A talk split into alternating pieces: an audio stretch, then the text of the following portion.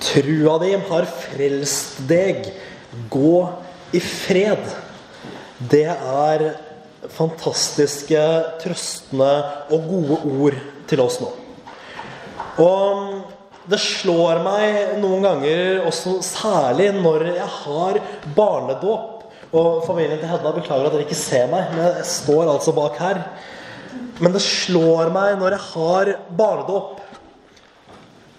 Og jeg tror faktisk jeg må skru av mikrofonen. Hører dere meg bak når jeg snakker sånn her? Ja, for jeg blir veldig sånn satt ut når eh, mikrofonen inn og ut, og da blir det bare rør.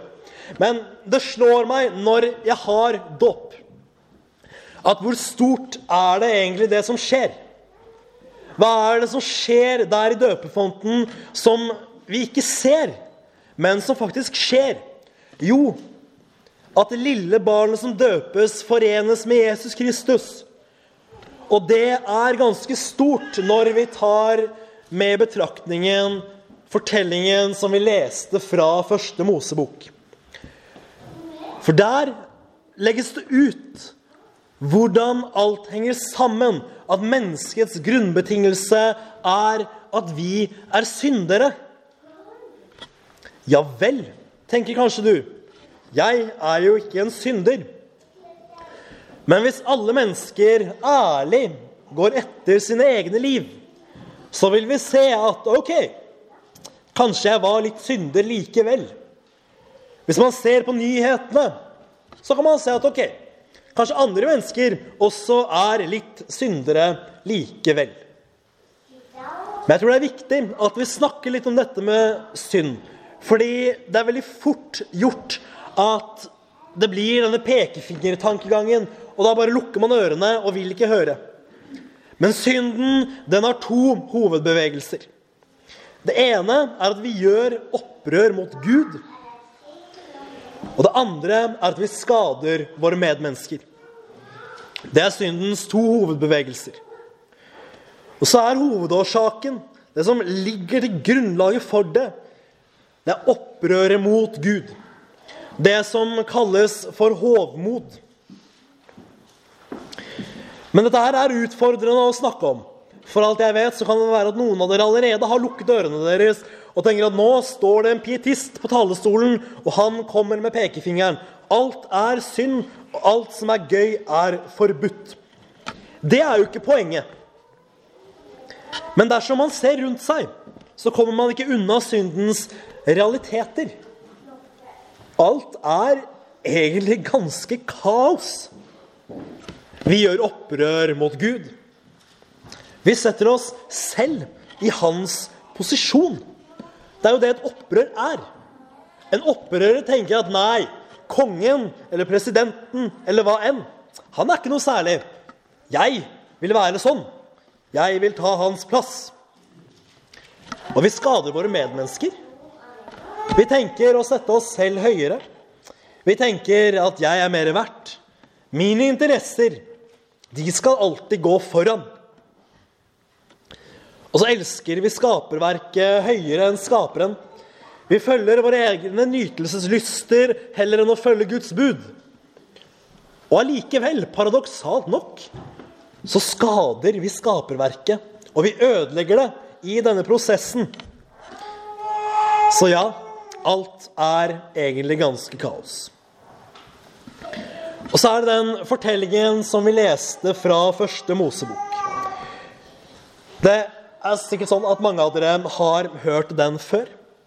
Det er fortellingen om syndefallet, som det gjerne heter på teologisk. Og denne bakgrunnsfortellingen her, den legger grunnlaget for å forstå alt som skjer videre i Bibelen. Nettopp fordi syndefallet er det første opprør mot Gud. Og så er sårheten i denne fortellingen ganske enorm. For hvis vi leser den nøye, så skjønner vi hva det er vi egentlig har tapt. Gud selv gikk rundt i hagen. Og dette tjener jo til å beskrive for et paradis det var. At Gud selv var fysisk til stede. Adam og Eva hadde konkret fysisk nærværende samfunn med Herren. For en lykke det må ha vært. Og så leser vi egentlig fra der hvor syndefallet alt har skjedd. Frukten er spist, og skaden er forvoldt. Men hvordan kunne det her skje?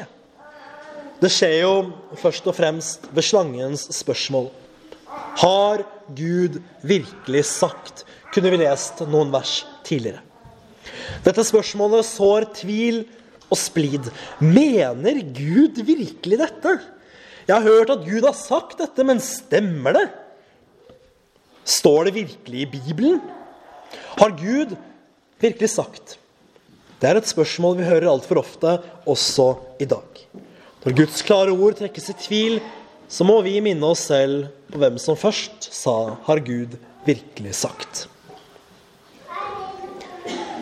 Og så blir syndefallets konsekvenser med en gang helt tydelige. Adam gjemmer seg for Gud. Og tilbake til denne sårheten, så kan vi høre den i Guds rop etter sin skapning. Adam, hvor er du? Skulle Adam gå og gjemme seg for sin herre, sin skaper og sin Gud? Det er vondt. Og sånn er det også for oss. Det er lettere å prøve å overbevise seg selv om at Gud ikke finnes. At Gud ikke kan nå oss. At vi kan gjemme oss for Gud, og vi prøver gjerne det. Det er lettere enn å stå til ansvar. Og Videre så ser vi at Adam skylder på kvinnen. Der har det også syndefallets konsekvens, denne ansvarsfraskrivelsen. Og rekken går selvfølgelig videre. Kvinnen hun skylder på slangen. Men jeg tror vi faktisk må holde fast til at Eva virkelig ble lurt. Men det fritar ikke for skyld og straff. Konsekvensene, de må komme. Konsekvensene er både alvorlige og samtidig ikke på en og samme tid. Fordi de er ille nok. De forvises etter hvert fra hagen, som vi leser, og menneskets grunnbetingelse endres radikalt. Men konsekvensene kunne vært veldig mye verre. Gud kunne egentlig bare gjort slutt på alt der og da og sagt at ok, da prøvde vi å skape noe. Og sånn gikk det. Og så prøver vi ikke igjen. Det kunne Gud gjort. Så det vi faktisk ser her, er Guds aller første visning av nåde. At Gud som er nåde, han viser den her ved å ikke tilintetgjøre Adam og Eva og skapningen, men gir dem fremdeles en sjanse. Men konsekvensen er at menneskeslekten Adam og Evas etterkommere blir født avskåret fra Gud. Og vi bærer med oss deres skyld og den potensielle straffen som en dag må komme. For Gud har ikke her gitt avkall på retten til dom og straff. Men grunnbetingelsene er da altså endret fra konkret fysisk samfunn med Gud til tilbøyelighet, til opprør og synd. Men hvorfor er dette egentlig et problem, vil mange spørre seg. Innvendingen kan jo være at dette slett ikke var opprør, men frislipp fra en kosmisk tyrann som har en eller annen form for syk interesse i menneskers liv. Men selvfølgelig er jo dette et problem. Og her er hvorfor. Det første er det vi kan se på som det rettslige. Vi står en allmektig Gud imot. Han er vår skaper, og vi er hans eiendom. Det er alvorlig. Vi bryter Guds lover. Gud er en god dommer som straffer lovbrudd. Å bryte Guds evige hellige lover det fører med seg større straff enn å naske tyggis på bui. Og denne straffen kan vi ikke unngå av oss selv. Vi kan ikke gjøre så mye godt at det veier opp for det onde vi gjør. Og så er det det etiske. Vi gjør onde ting. Ikke alle mennesker gjør, altså Ingen mennesker gjør bare gode ting hele tiden. Vi sårer folk, osv., osv. Listen, den er lang. Vi ødelegger verden. Vi tenker bare på oss selv og vår egen vinning og vår egen velstand. Og så er det det relasjonelle. Vi ble skapt for å ha fellesskap med Gud. Og da er det et problem at dette forholdet til Gud er brutt. Og så koster det et menneske dyrt å leve i motsetning til hvordan det ble skapt. Vi er i utgangspunktet da videre helt alene. Og vi er ikke skapt til å være alene. Og vi er også skapt til å ha gode relasjoner med andre mennesker. Dette er også en ting som er brutt. Og så er det slik at den frihet vi tror vi har når vi vender oss bort fra Gud, det er ikke en egentlig frihet. Frihet til å gjøre hva jeg vil. Frihet til å leve i motsetning til Guds bud og lover og vilje. Er det egentlig frihet? Og et menneske som over tid ikke bryr seg om noe, men kun lever etter sine lyster, i evig, evig søken etter størst mulig nytelse, vil før eller siden gå på en smell. Og Grunnen til det er jo fordi det er en løgnaktig frihet vi har rotet oss inn i. Frihet det finner vi best i de rammer Gud har gitt og satt for våre liv. For dette er gode rammer. Og det er ikke slik at alt er godt bare fordi det kan gjøres, eller gir oss nytelse. Snarere tvert imot. For vi ble skapt til hellighet og fellesskap med Herren. Og det koster å leve i motsetning til dette. Og nå har jeg talt lenge om dette, og alt virker kanskje svart og fælt og grusomt. Kanskje det er derfor barna gråter. Bra at dere lo. Det var planlagt at det skulle være morsomt. Hva i alle dager skal vi egentlig gjøre? Det gode, eller det som etter hvert blir godt, men som kanskje virker fælt i første omgang, det er jo at det er ingenting vi kan gjøre. Men takk og lov for det. For det er ikke noe mennesker kunne kokt sammen den løsningen Gud har forordnet på det jeg nå har stått og svartmalt i nesten et kvarter. Løsningen er denne Gud selv går inn i menneskers sted. Han blir lik oss i alt. Dette er Jesus Kristus, som dere kanskje har hørt om. Guds sønn, som er Gud fra evighet av. Han er Gud selv som blir oss lik. Tenk det! At Gud har en sånn omsorg for oss. Selv etter flerfoldige tider med opprør og hat fra vår side.